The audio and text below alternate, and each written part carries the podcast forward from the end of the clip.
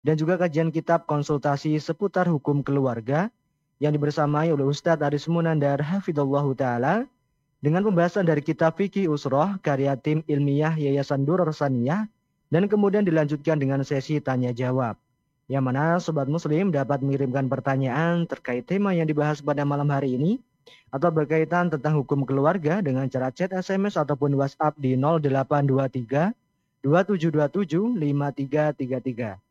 Atau sobat muslim yang mungkin tergabung ya di via Zoom, YouTube dan juga di Facebook dapat menuliskan pertanyaan di kolom komentar. Dan alhamdulillah sobat muslim pada malam hari ini kita sudah terhubung dengan Ustadz Aris Munandar Hafidullah Ta'ala. Insya Allah beliau sudah siap untuk memberikan materinya dan juga menjawab pertanyaan dari sobat muslim sekalian. Untuk sobat muslim mari kita persiapkan buku catatan dan juga penanya. Bersama-sama kita mencatat faedah ilmu yang akan disampaikan beliau pada kesempatan malam hari ini. Dan dari Radio Muslim kami mengucapkan selamat menyimak kepada Ustaz Aris Munandar Faliyatafaddal Mashkuro. Alhamdulillah wa kafa wa salatu wa salamu ala rasulil mustafa wa ala alihi wa sahbihi wa man tabi'ahum bi ihsanin ila yaumidin amma ba'd kaum muslimin dan muslimah rahimani wa rahimakumullah. Kembali kita lanjutkan kajian fikih keluarga dari kitab Fikih Usrah karya tim ilmiah Yayasan Ad-Durah Asaniyah hafizahumullahu taala. Kita masuk dalam bab tentang wanita-wanita yang haram untuk dinikahi.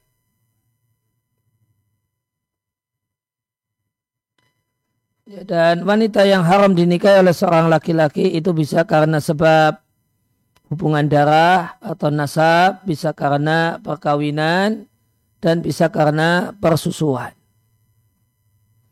Kita akan bahas tentang wanita yang haram dinikahi karena sebab nasab atau hubungan darah atau kelahiran. Maka ada tujuh wanita yang haram di nikahi oleh seorang laki-laki dan keharumannya ini selamanya dan keharuman ini karena sebab hubungan kelahiran atau hubungan darah. Yang pertama adalah ibu dan seterusnya ke atas. Ibu, ibunya ibu, nah itu termasuk di antaranya adalah ibunya bapak. Kemudian yang kedua adalah anak perempuan dan seterusnya ke bawah. Anak perempuan, ya, anak perempuan, uh, cucu perempuan dari anak perempuan dan seterusnya ke bawah. Dan kemudian yang ketiga adalah saudara perempuan. Dan saudara perempuan yang haram untuk dinikahi itu ya, mencakup tiga jenis ini saudara perempuan. Yaitu saudara perempuan sekandung, saudara perempuan sebapak, dan saudara perempuan seibu.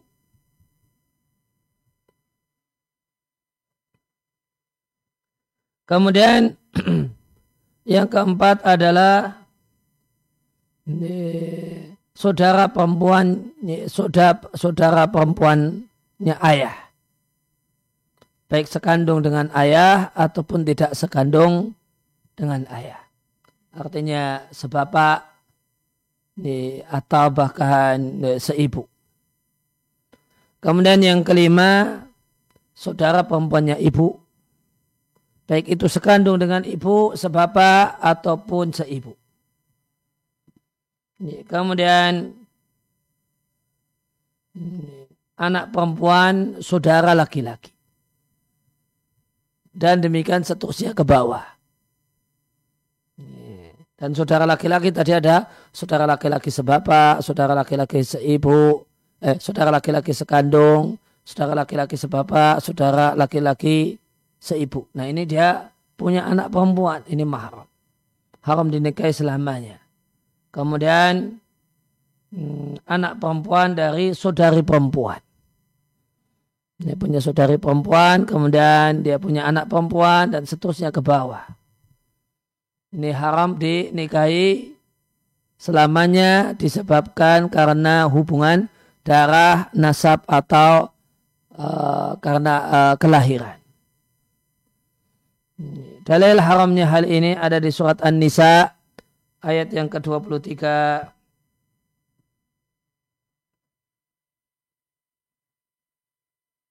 Allah Ta'ala berfirman, Hurimat alaikum ummahatukum. Haram atas kalian menikahi ibu kalian sendiri, anak perempuan kalian sendiri, ya, saudara perempuan kalian sendiri, bibi kalian dari jalur ayah ataupun dari jalur ibu, ya, wabanatul akhi. Anak perempuan dari saudara laki-laki ataupun anak perempuan dari saudara perempuan. Dan haram menikahi tujuh jenis perempuan ini satu hal yang disepakati oleh para ulama sebagaimana disampaikan oleh At-Tabari demikian juga Ibnu Mungdir. Ibnu Mungdir rahimahullah taala menyampaikan para ulama sepakat para ulama sepakat haramnya orang-orang yang Allah sebutkan dalam ayat Ya, haramnya orang-orang yang wanita-wanita yang Allah sebutkan dalam ayat.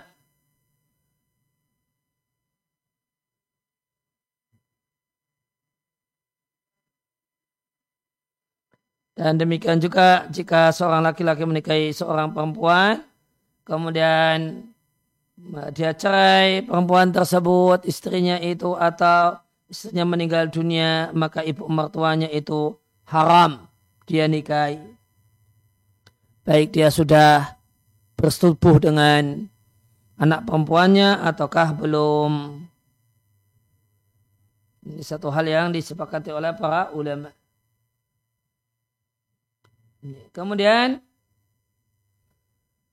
uh, yang kedua selanjut, pembahasan selanjutnya masih haram uh, dinikahi karena hubungan nasab adalah anak perempuan dari hasil zina.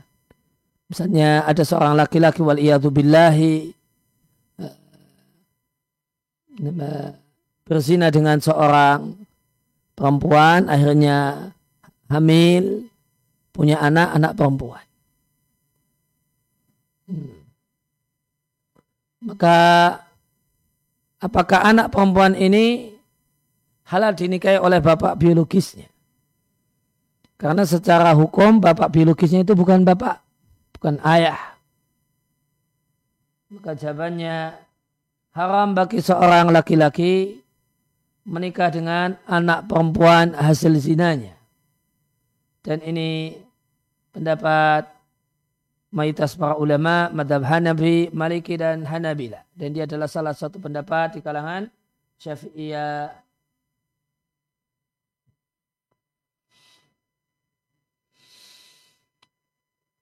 Ya, dalilnya dari Al-Quran, Hurimat alaikum ummahatukum babanatukum.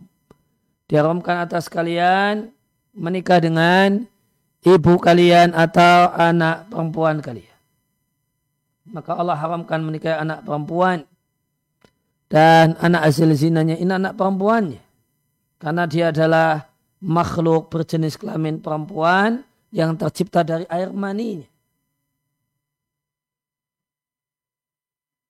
Dan realita kalau dia tercipta dari air, air maninya adalah satu kenyataan yang tidaklah berbeda antara itu terjadi dalam bingkai yang halal yaitu pernikahan atau bingkai haram yaitu zina.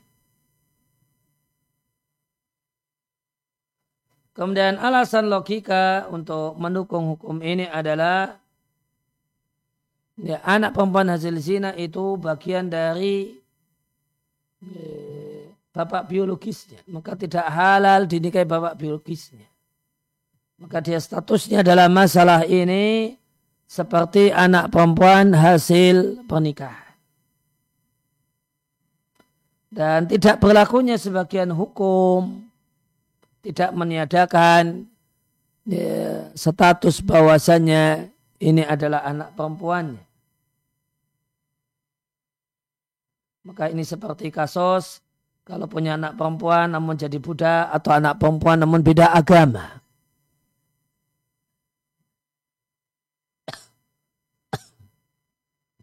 Kemudian yang ketiga, betul syariat memutus hubungan nasab. Memutus hubungan nasab antara anak zina dengan bapak biologisnya. Namun syariat tidaklah meniadakan realita. Bahasanya secara realita anak perempuannya adalah anak perempuannya dari air maninya. Karena ini adalah satu realita yang tak terbantahkan.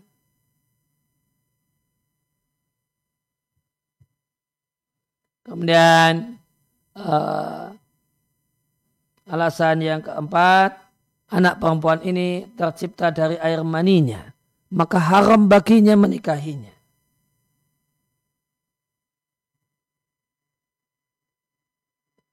Sebagaimana keharaman seorang perempuan yang berzina dengan uh, anak hasil zinanya. Ya, ringkasnya, ya, ketika anak hasil zina itu uh, tidak punya hubungan apa pun dengan bapak biologisnya, hubungan nafkah, hubungan warisan, hukum, hubungan perwalian pernikahan, uh, hubungan hak nasab atau bin atau bint semuanya tidak ada hubungannya kecuali dalam satu perkara yaitu masalah ini. Bapak biologis tidak boleh menikahi anak hasil zinanya. Itu saja hubungannya. Satu-satunya. Yang lainnya tidak ada hubungan. Nah, kemudian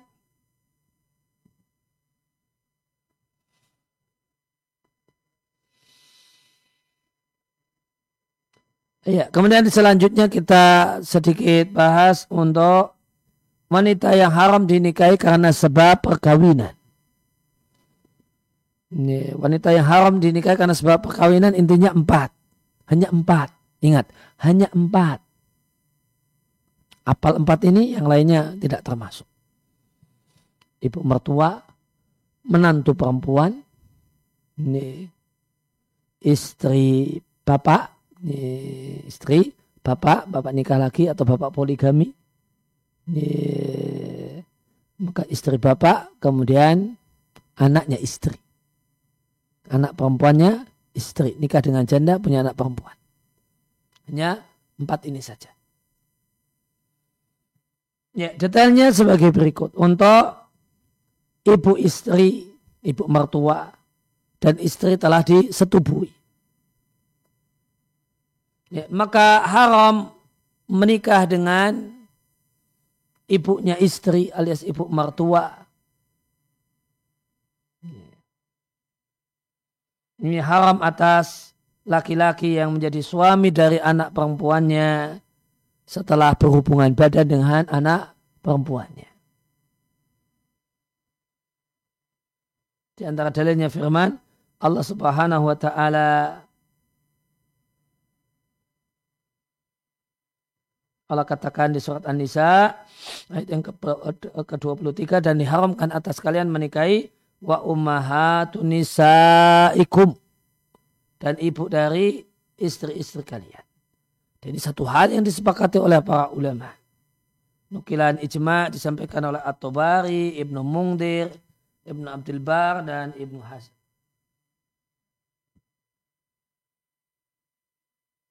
Abdul Bar al-Maliki rahimahullah ta'ala menyampaikan ulama sepakat bahasanya nikah yang halal dan sah itu mengharamkan menjadi sebab haram menikahi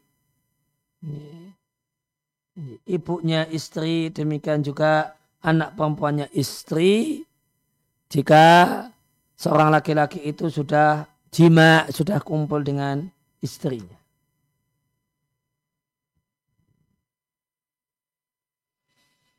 Ya, kemudian yang kedua adalah hukum ibu mertua menikahi ibu mertua namun sama anak perempuannya itu baru akad, kemudian bercerai atau berpisah tanpa terjadi hubungan suami istri. Maka menikahi wanita semacam ini eh, haram hukumnya. Menikahi ibu istri ini haram atas si suami. Dengan semata-mata akad nikah dengan anak perempuannya. Ya, meskipun belum sampai hubungan biologis dengan anak perempuannya.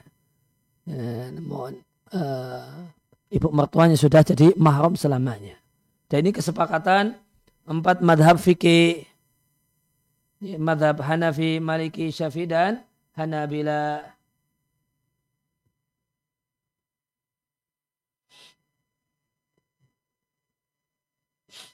Ya, dalilnya firman Allah Ta'ala wa ummahatu nisaikum dan haram atas kalian menikahi ibu dari istri kalian. Maka ayat ini menunjukkan bahasanya hukum haram di nikah ini bersifat umum dan Allah tidak mempersyaratkan sudah harus hubungan biologis dengan anak perempuannya ataukah tidak. Seandainya itu jadi syarat tentu akan Allah sebutkan sebagaimana dalam masalah uh, menikahi uh, menikahi anak tiri. Kemudian ini didukung asar yaitu asar dari sahabat Abdullah ibn Abbas radhiyallahu taala anhuma beliau mengatakan idza talaqa rajulu imra'atan qabla ayadkhula biha. Jika seorang laki-laki menjatuhkan cerai kepada seorang perempuan sebelum berhubungan badan dengannya atau dia meninggal dunia maka lam tahilalahu ummuha maka ibunya tidak halal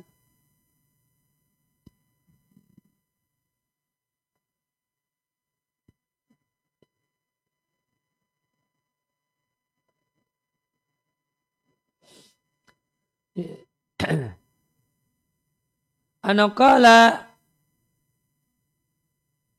ya, Ibn Abbas mengatakan bahasanya ibu mertua itu uh, disebut mubahamatan. Itu disebut dengan mubahamah. Mubahamah itu uh, makna terlaknya tidak jelas. Fakarihaha beliau tidak suka sebutan ini. Ya, di sini Athar Ibn Abbas diatkan oleh Ibn Abi Syaibah dan sanatnya dinilai kuat oleh Ibnu Hajar di kitabnya At-Talkhis Al-Habir.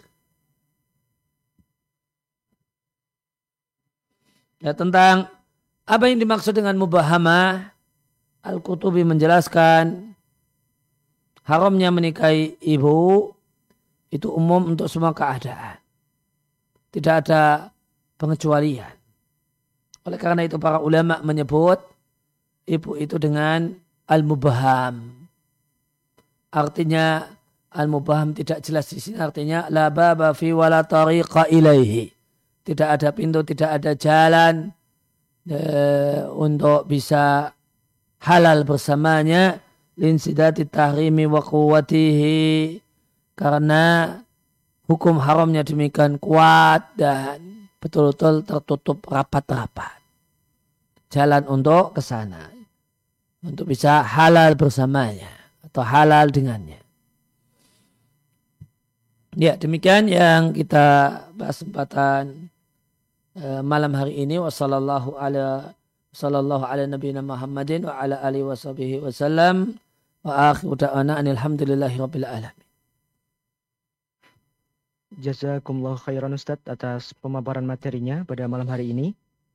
Insya Allah kita akan lanjutkan di sesi yang kedua ini Sobat Muslim, yang mana Sobat Muslim dapat mengirimkan pertanyaan ya terkait tema yang dibahas pada malam hari ini ataupun juga berkaitan tentang hukum keluarga dengan cara chat SMS ataupun WhatsApp di 0823 2727 5333 atau sobat muslim yang tergabung via Zoom dan juga menyaksikan lewat YouTube ataupun Facebook dapat menuliskan pertanyaannya di kolom komentar. Insyaallah sobat muslim, kita sudah berada di sesi yang kedua ya sobat. Sehingga sobat muslim dapat mengirimkan pertanyaan terkait tema yang dibahas pada malam hari ini ataupun juga berkaitan tentang hukum keluarga, konsultasi seputar hukum keluarga dengan cara chat SMS ataupun WhatsApp di 0823 2727 5333 atau sobat muslim yang tergabung via Zoom dan menyaksikan lewat YouTube dan juga Facebook dapat menuliskan pertanyaannya di kolom komentar. Baik Ustadz, kita bacakan pertanyaan yang sudah masuk. Ya, silahkan. Assalamualaikum Ustadz. Waalaikumsalam warahmatullahi. Ustadz izin bertanya. Ustadz bagaimana hukum jamaah sholat karena walimah Ustadz? Ada beberapa pendapat fikih yang mengatakan kebolehan menjamaah sholat di rumah karena ada kesibukan yang tidak menjadi kebiasaan. Salah satu pendapat dari Ibnu Sirin. Bagaimana maksud pendapat tersebut ya Ustadz? Jazakumullahu khairan. Uh, sholat itu masalah besar, jangan bermudah-mudah, uh, jangan meremehkan. Uh, hukum asal uh, jamak tanpa sebab itu satu hal yang berbahaya karena berarti sholat di luar waktunya. Maka tidak boleh bermudah-mudah dalam masalah ini. Kalau kita mengacu pada eh, madhab yang ya, dinilai sebagai madhab yang tersebar di negeri kita Indonesia, madhab syafi'i, maka dalam madhab syafi'i resminya madhab jamak itu hanya boleh karena dua hal. Yeah. Jamak itu hanya boleh karena dua hal yaitu karena safar, bepergian dan jamak karena hujan. Dan ditambah uh, yang ketiga pendapat pribadi Imam Nawawi boleh jamak sholat karena sakit. Ya, maka jamak karena walimah ya, itu uh, ya, satu hal yang tidak sama sekali tidak bisa dibenarkan dalam madhab syafi'i. Ya. Kemudian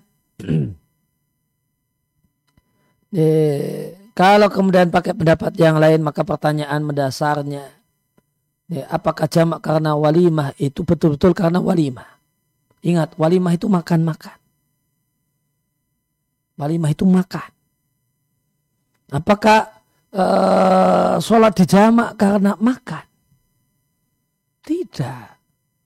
Makannya cuma sebentar sampai perlu jamak ya, jamak sholat? Hmm, alasannya karena walimah? Walimah itu makan loh. Ini acara makan-makan. Ini seberapa lama makannya sampai menjamak sholat? Itu. Ini, jika alasannya karena nemui tamu, seistimewa apa tamu itu? Sampai-sampai sholat ditinggalkan dengan alasan nemui tamu. Dengan alasan nemui tamu. Kalau tadi alasan makan nggak pas. Alasan nemui tamu, ya malah harusnya tamunya diajak sholat. Nanti kalau orang membolehkan alasan yang tamu, ingat loh derivatnya bukan hanya acara nikahan nanti ngobrol sama tamu di teras rumah, wah itu nanti sholat ditinggalkan. Karena ilahnya sama, ingat. Nanti uh, apa? Ya, jadi nanti kalau karenanya itu diterima, itu nanti jadi kaidah. Jika ini karena walimah, walimah itu makan. Nanti semua acara makan-makan itu bisa jadi alasan jamak sholat. Hmm. Apalagi padahal makannya bukan makan yang mendesak. Makan mendesak saja itu hanya bisa uh, menyebabkan ya menunda sholat. Tidak sampai jamak sholat karena makan. Tiga sekali di, sholat di, ditunda karena makan. Kalau alasannya nemui tamu, ingat loh, nemui tamu itu bukan hanya dalam acara pernikahan. Ya, menurut tamu itu banyak. Kalau nanti disetujui ini boleh jamak karena nemui tamu. Berarti nanti kaidahnya ini, ini, semua bentuk menemui tamu itu membolehkan jamak. Bahaya. Realitanya jamak karena walimah itu bukan karena walimah yaitu makan, bukan karena menemui tamu. Namun karena make up. Itu bukan jamak karena walimah. Ingat itu bukan jamak karena walimah. Walimah itu makan, makan bareng. Ini karena acara nikahan itu itu walimah. Bukan karena nemui tamu, namun karena make up, make up mahal. Nanti kalau uh, dipakai untuk sholat, sesi habis sholat tanpa make up gitu.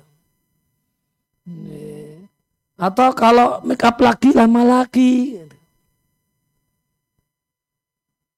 Jadi itu e, mau mengajukan alasan ya, Mbak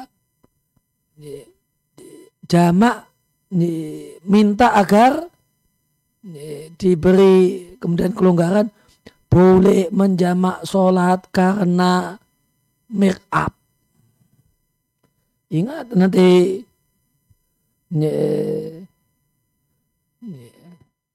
nanti ini bukan hanya hanya dan perlu diketahui kalau itu masalah make up make up itu bukan hanya bukan hanya walimah nanti sudah ada make up nanti ada nah, apa nanti orang tuh mau tampil di televisi itu make up itu mau tampil, tampil di televisi make up tuh. Nanti kalau kaedahnya kalau diterima nanti jadi kaedah. Sayang make up itu membolehkan jamak gitu nanti kaedahnya. Bayangkan. Sayang dengan make up boleh jamak. Karena dan itu bukan hanya nanti jika itu jadi ilah nanti nanti ada orang itu uh, ya nanti nah apakah kemudian sepenting itu make up itu kenapa tidak make upnya yang disesuaikan? Kenapa sholatnya yang dikorbankan? Dan sudah biasa uh, walimah itu acara walimah itu dibatasi jam jam sekian sampai jam sekian hmm. kenapa tidak itu yang disesuaikan. Kenapa harus memaksakan diri ini harus memaksakan diri ini make upnya habis asar make upnya habis asar nanti maghribnya dijamak dengan isya.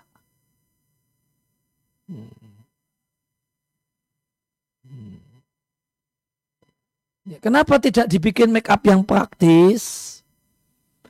Ba'dal maghrib cukup setengah jam selesai. Nanti walimahnya ba'dal isya. Ini sholat dulu. Ini waktu maghrib itu kurang lebih 45 menit. Nih. Tapi sholat kemudian baru make up. Seandainya make up di sini dibolehkan. Waktu setengah jam. Setelah itu tiba waktu isya, habis isya nerima tamu. Nanti sholat isya-nya nanti tidak apa-apa misalnya karena ini perempuan. Ya, kenapa tidak kemudian dibikin acara pagi? Dibikin acara pagi jam 9 sampai eh, duhur itu panjang loh. 10, 11, 12, 3 jam. Itu bisa tiga gelombang tamu walima. Ini gelombang satu jam sekian sampai jam sekian, gelombang dua jam sekian sampai jam sekian. Jadi ini uh, Mbak Ya, jadi itu bukan karena walimah, namun karena make up. Dan itu make up karena walimahnya malam. walimahnya ba'dal maghrib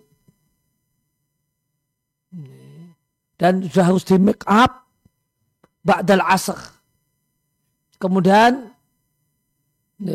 maghrib yang dikorbankan. Demi make up. Karena tidak mau menyesuaikan dengan sholat. Nggak mau menyesuaikan dengan waktu sholat. Bisa kemudian dikondisikan ya ba'dal isya jam 8 sampai jam 10 itu sudah dua jam atau pagi hari. Kenapa manusia yang tidak mau menyesuaikan? Setelah itu kemudian hukumnya yang dipaksa untuk harus sesuai dengan kemauan. Acara pesta pernikahan. Jadi kesimpulannya ya, wali uh, uh, bahasa ini bedak kata orang Jawa pupuk lipstick ini bukan alasan untuk uh, untuk menunda ya, atau kemudian menunda sholat dan mengerjakan sholat setelah waktunya berakhir dan perlu diketahui bahasanya mengadakan walimah pesta nikah hukumnya sunnah. Kemudian uh, di, meninggalkan waktu maghrib,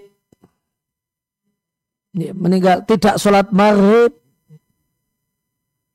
tak, tidak sholat maghrib itu haram, dosa besar.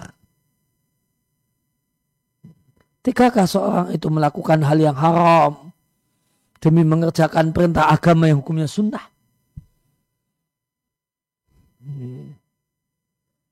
Dan sunnah, uh, mengadakan walimah itu hukumnya pesta nikah, hukumnya sunnah, pendapat mayoritas para ulama. Dan apakah demi mengejar yang sunnah, hal yang haram ditinggalkan, dosa besar dikerjakan? Nah,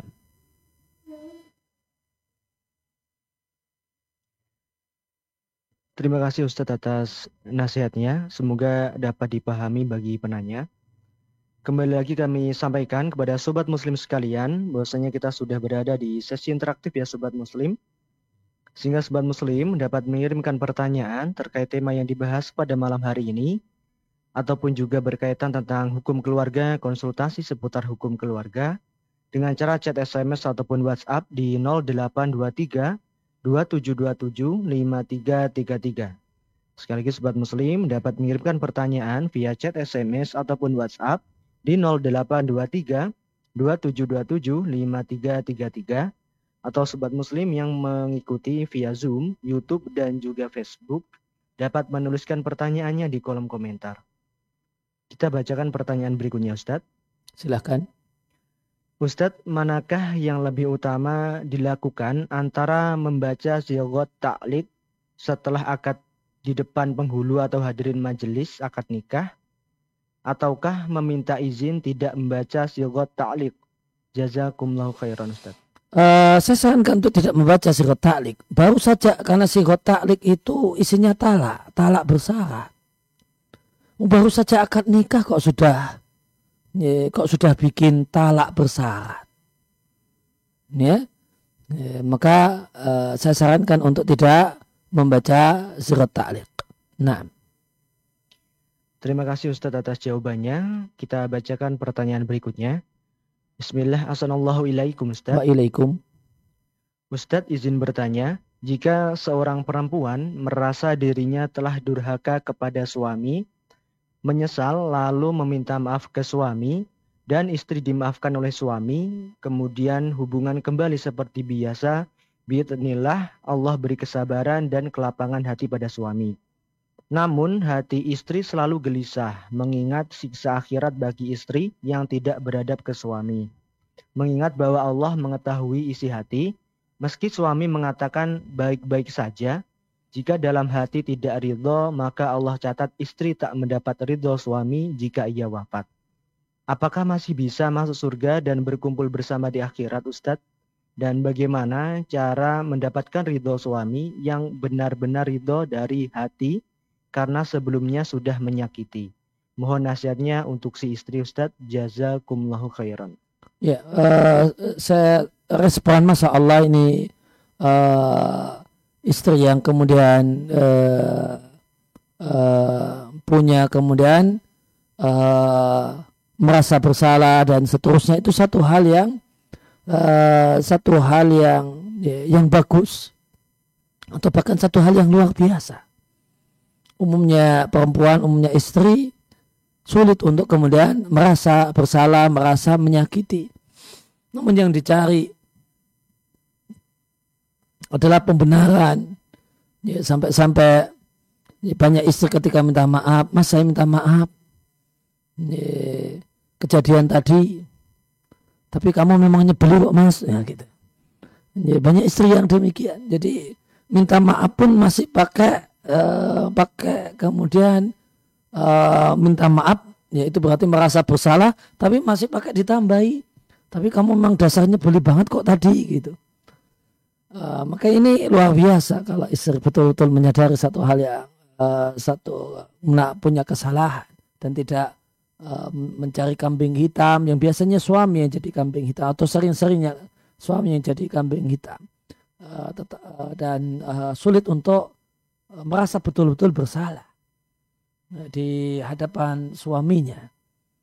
Ya, maka ini satu karakter yang sebenarnya ya, sangat istimewa di dunia wanita. Ya. Kemudian yang kedua, eh, ya hukum di dunia ini hukum lahiriah. Ya, maka ketika suami mengatakan saya kemudian betul-betul tulus kok memaafkan itu tidak mengapa. Ya mudah-mudahan uh, ya kesabaran selama ini kemarin nanti istri itu belum merasa bersalah. Maka kesabaran selama ini Allah catat sebagai pahala. Maka sikap si istri ya sudah. Karena hukum di dunia itu berdasarkan lahiriah. Lahiriah ucapannya demikian. Ini adapun sesungguhnya isi hatinya di mana? Kita tidak tahu dan itu tidak jadi uh, Mbak istri tidaklah kemudian dibebani dengan hal tersebut. Tapi dibeban syariat berkenaan dengan masalah berkenaan dengan lahiriah dan apa yang nampak. Sehingga saya sarankan untuk tidak larut dalam kesedihan, merasa bersalah, uh, diposisikan sebagai motor penggerak untuk untuk di masa depan, untuk totalitas dalam berkhidmat kepada suami satu hal yang baik. Tapi kalau uh, kemudian nanti berlebihan sehingga ya, maka ini bisa jadi pintu masuknya setan untuk membuat putus asa. Ya, saya gagal jadi istri misalnya. Ya, kemudian uh, ya, dan saya sarankan untuk sungguh-sungguh melayani suami. Layanilah suami secara totalitas agar suami betul-betul ridho dengan istrinya dari hatinya. Nah.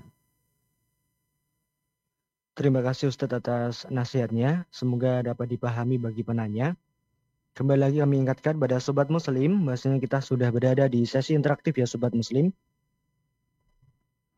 Sehingga Sobat Muslim dapat mengirimkan pertanyaan terkait tema yang dibahas pada malam hari ini ataupun juga berkaitan tentang hukum keluarga, konsultasi seputar hukum keluarga dengan cara chat SMS ataupun WhatsApp di 0823 2727 5333 atau sobat muslim yang tergabung via Zoom, YouTube dan juga di Facebook dapat menuliskan pertanyaannya di kolom komentar.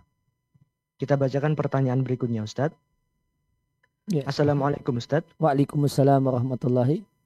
Ustadz izin bertanya, saya baru selesai lahiran dan setelah 40 hari masih mengeluarkan darah. Kemudian mulai tidak keluar darah lagi. Lalu saat saya pikir telah selesai, keluar darah lagi yang banyak seperti darah haid. Apakah darah tersebut masih darah nifas, darah istihadah atau darah haid? Syukron jazakumullah khairan Ustaz. Mohon ya, pendapat yang paling kuat dalam masalah ini uh, maksimal nifas dalam masalah maksimal nifas adalah madhab syafi'i yaitu 60 hari. Maka selama itu belum 60 hari, maka darah yang keluar uh, dinilai sebagai darah nifas. Ya, haram untuk sholat, untuk puasa dan seterusnya. Nah. Terima kasih Ustadz atas jawabannya. Kita bacakan pertanyaan berikutnya Ustadz dari YouTube. Assalamualaikum Ustadz. Waalaikumsalam warahmatullahi Ustadz saat lebaran atau dalam acara kumpul keluarga, setelah bertemu berjumpa banyak berjabat tangan dengan saudara-saudara. Kepada siapa kita tidak boleh berjabat tangan Ustadz? Mohon jawabannya. Ya, saudara itu ada yang mahram, ada yang bukan mahram. Ada mahram karena hubungan nasab dan kelahiran, mah mahram karena perkawinan. Ya, maka silakan jabat tangan dengan lawan jenis yang mahram baik mahram karena kelahiran ataupun mahram karena perkawinan. Dan mahram tentang masalah kelahiran sudah kita bahas di pertemuan kali ini bisa disimak ulang rekamannya yang ada di YouTube. Uh, sedangkan mahram untuk karena perkawinan sebagiannya tadi sudah kita bahas dan insya Allah akan kita tuntaskan di pertemuan selanjutnya. Ya, jadi silahkan simak uh, selalu acara ini. Nah. Terima kasih Ustadz atas jawabannya. Semoga dapat dipahami bagi penanya. Kita bacakan pertanyaan berikutnya Ustadz. Assalamualaikum Ustadz. Wa ilaikum. Ustadz, apa saja parameter seorang anak dapat dikatakan telah berbakti kepada orang tua? Jazakumullah khairan Ustadz. Parameter sederhana dari berbakti adalah membahagiakan orang tua. Nah. Terima kasih Ustadz atas jawabannya. Kita bacakan pertanyaan berikutnya Ustadz. Ustadz izin bertanya, jika suami istri sedang berselisih paham dan dengan nada menyentak, sedangkan anak merasa risih dengan orang tua yang saling menyentak, bagaimana yang seharusnya dilakukan oleh sang oleh anak agar orang tua tidak seperti itu? Syukron jazakallahu khairan Ustaz. Tolong diulangi. Jika suami istri sedang berselisih paham dan dengan nada yang tinggi atau menyentak, sedangkan anak merasa risih dengan orang tua yang saling e, berselisih atau juga saling menyentak dengan nada tinggi, Ustaz. Bagaimana yang seharusnya dilakukan oleh anak agar orang tua tidak seperti itu? Syukron jazakumullah khairan, Ustaz. Uh, anak bisa kemudian menyampaikan baik-baik uh, pada orang tuanya bahasanya uh, kalau bapak dan ibu itu tengkar dengan suara keras-kerasan di hadapan anak itu nyontoni kami-kami. Apa kemudian tidak malu sama tetangga? Ya. Gitu. Maka sampaikan baik-baik. Kalau kalau ini juga tidak mempan, ya, maka ya, maka manfaatkanlah status sebagai anak. Mungkin Eh, dengan ketika orang tua itu tengkar saling teriak-teriak ya, maka eh, anak kemudian bisa ikut teriak namun teriaknya di depan tembok. Di depan tembok sudah jangan teriak-teriak terus. Malu aku jadi anak gitu. Tapi ngomongnya sama tembok gitu semua tetangga dengar kalau sini rame ada ini sudah Ya, namun tujukan ke tembok gitu ya. Jadi kita tidak anak tidak tidak maki-maki orang tuanya karena ya, maki-maki atau bersuara keras sama tembok ya, tembok rumah. Atau kalau ya,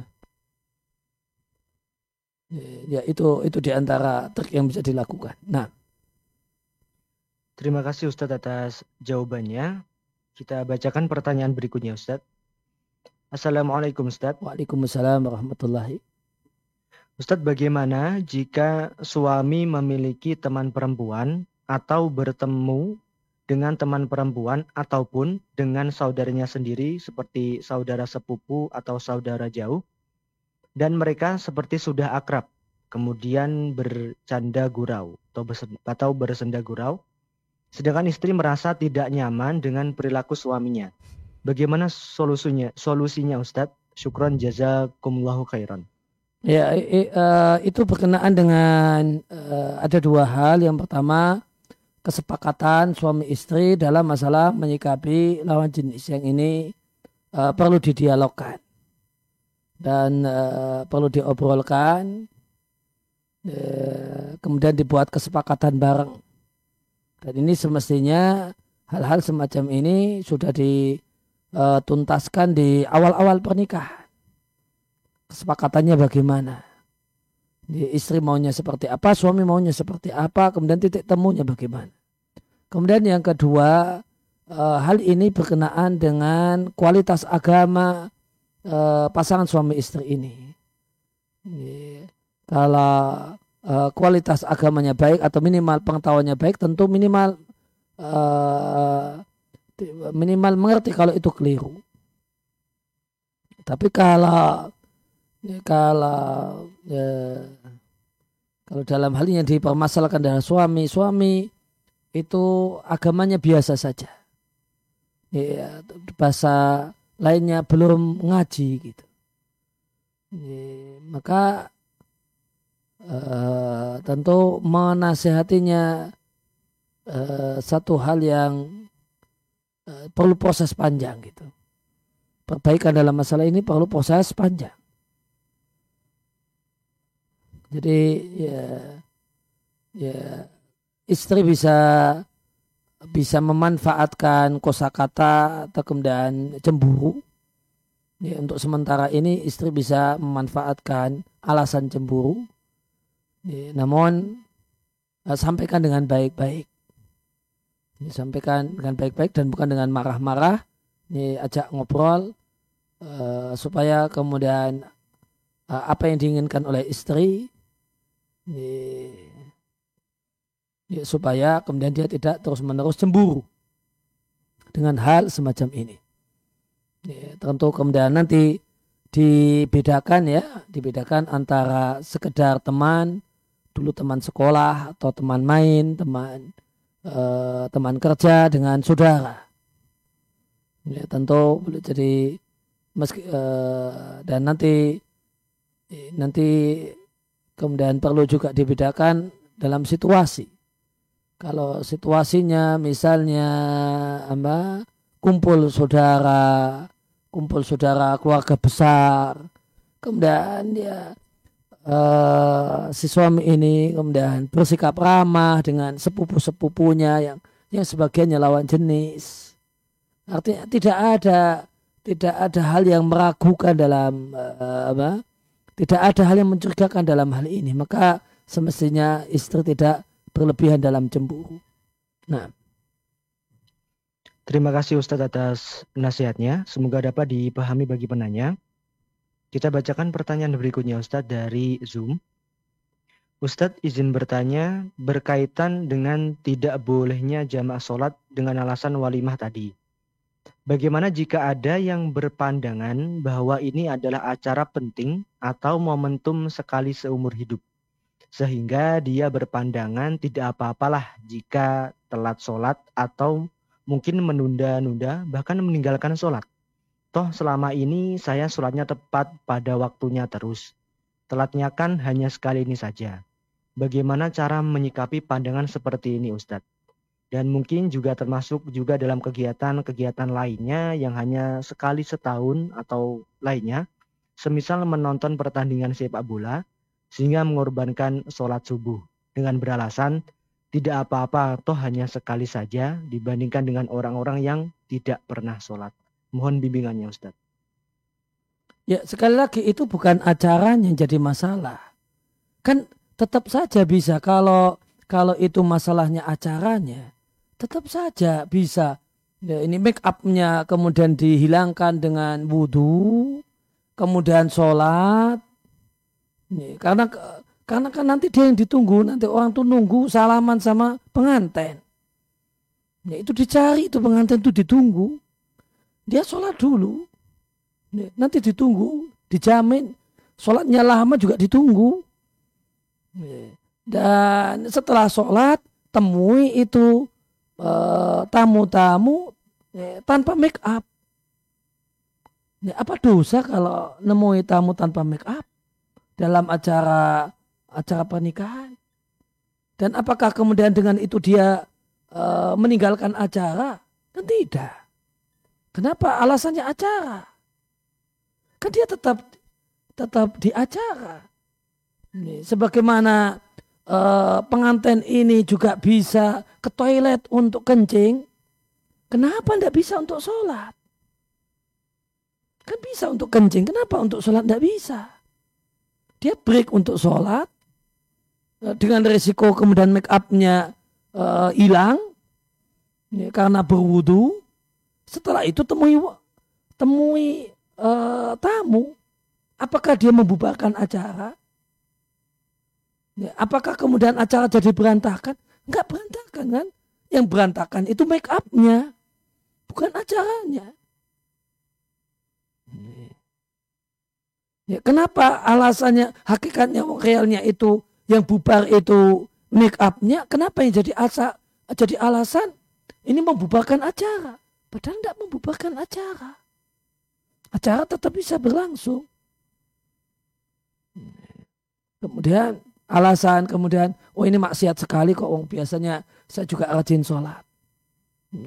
Siapa yang jamin ketika maksiat tersebut kemudian mati? Apakah dia bisa jamin umurnya? Saya tidak sholat maghrib. Ini ini saya misalnya ini umur anak umur 20 saya sejak balik sejak umur 15 tahun sampai 20 tahun rajin sholat terus ini maghrib ini saja saya nggak sholat karena acara pesta nikah, pesta pernikahan saya.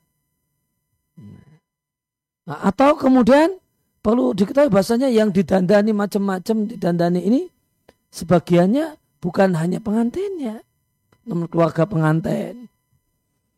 Ya, keluarga pengantin nanti eh, enggak sholatnya bukan hanya seumur hidup sekali. Karena ini keluarga pengantin. Ada lagi penerima tamu. Ya, penerima tamu. Lah kalau kemudian dia jadi penerima tamu sebulan sekali, hmm, apa kemudian tidak sholat sebulan sekali? Dengan alasan biasanya 29 hari yang lain saya rajin sholat kok. Ya, setegakah itu? Dan sedemikian rendahkah kedudukan sholat di hatinya? Ya, sedemikian rendahkah kedudukan sholat di hatinya? Ya, maka jawaban yang paling pokok adalah Siapa yang bisa menjamin ke bahasanya pas coba-coba nggak nggak sholat di kali ini umurnya masih bertahan sampai ya, sampai nanti. Gimana kalau pas maghrib nggak sholat itu serangan jantung dan mati. Nah. Terima kasih Ustadz atas nasihatnya. Semoga dapat dipahami Ustadz bagi penanya. Kita akan bacakan pertanyaan berikutnya Ustadz. Assalamualaikum Ustadz. Waalaikumsalam warahmatullahi.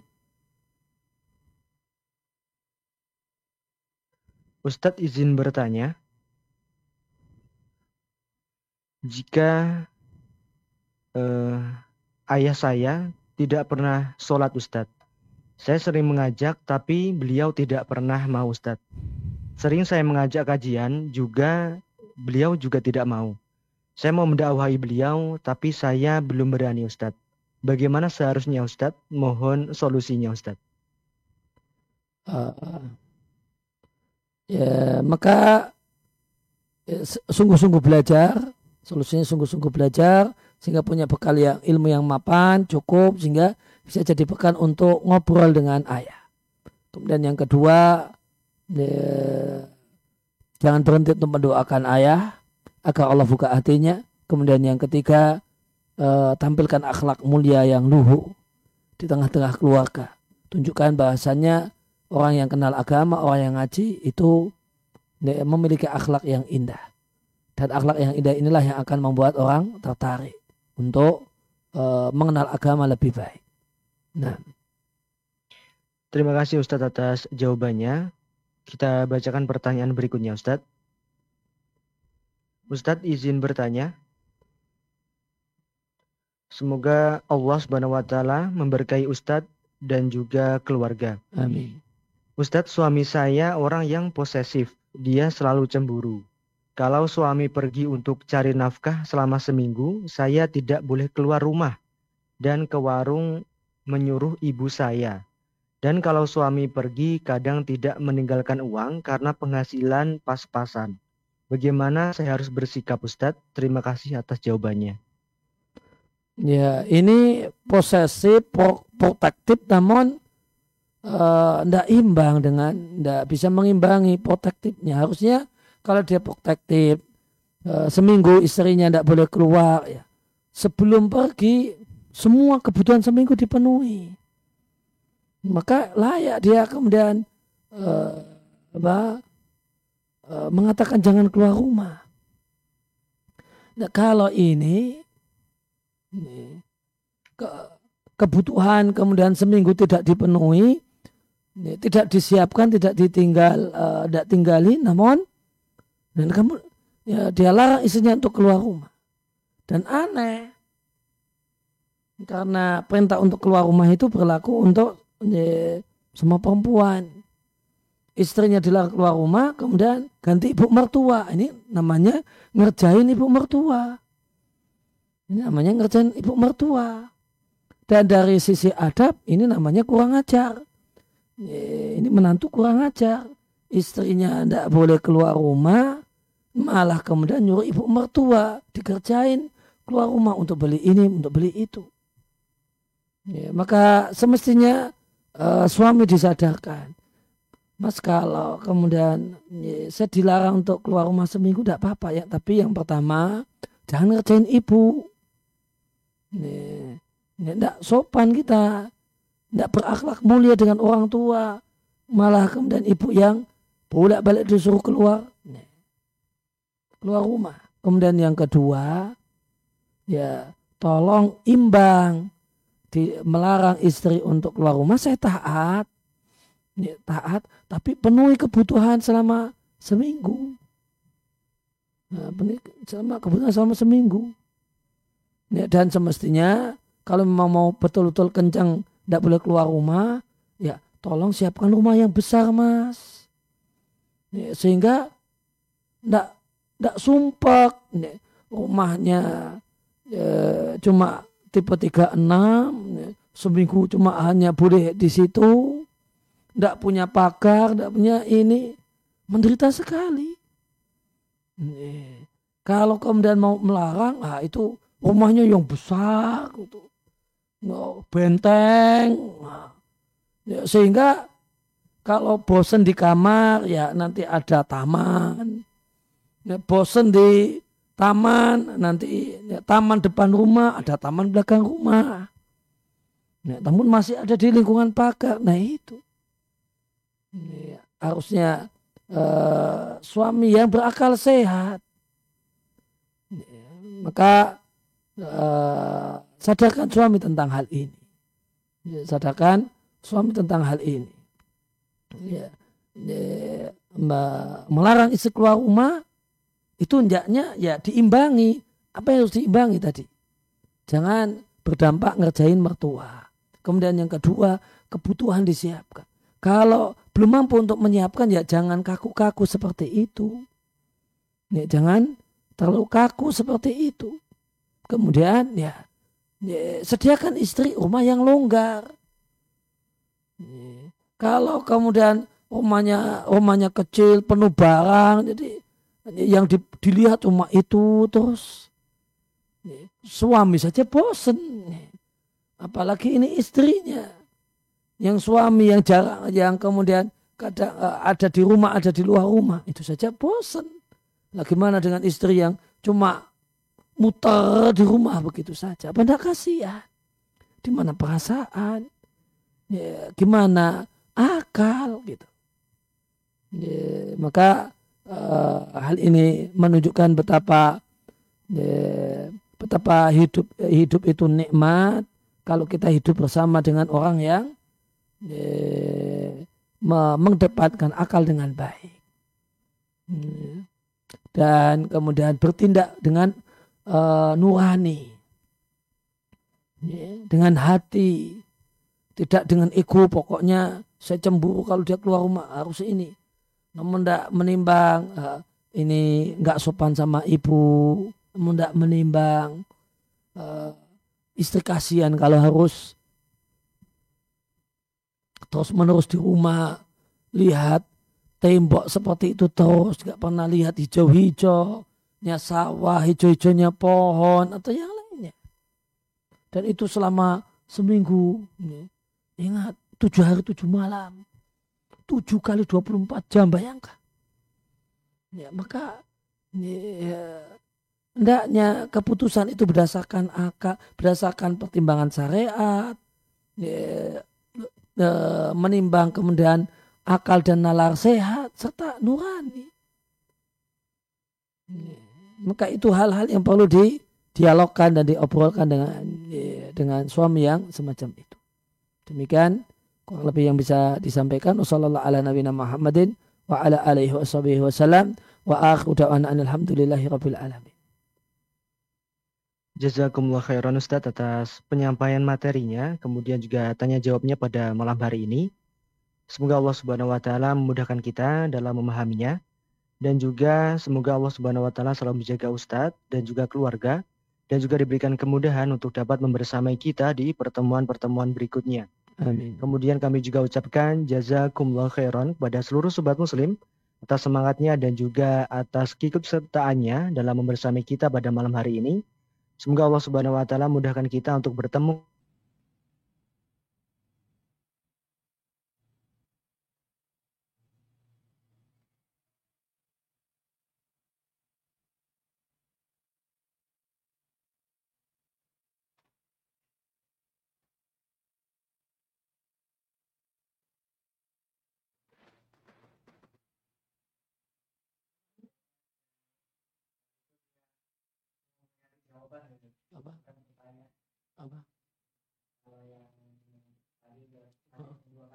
Ah, iya, udah sudah panjang loh.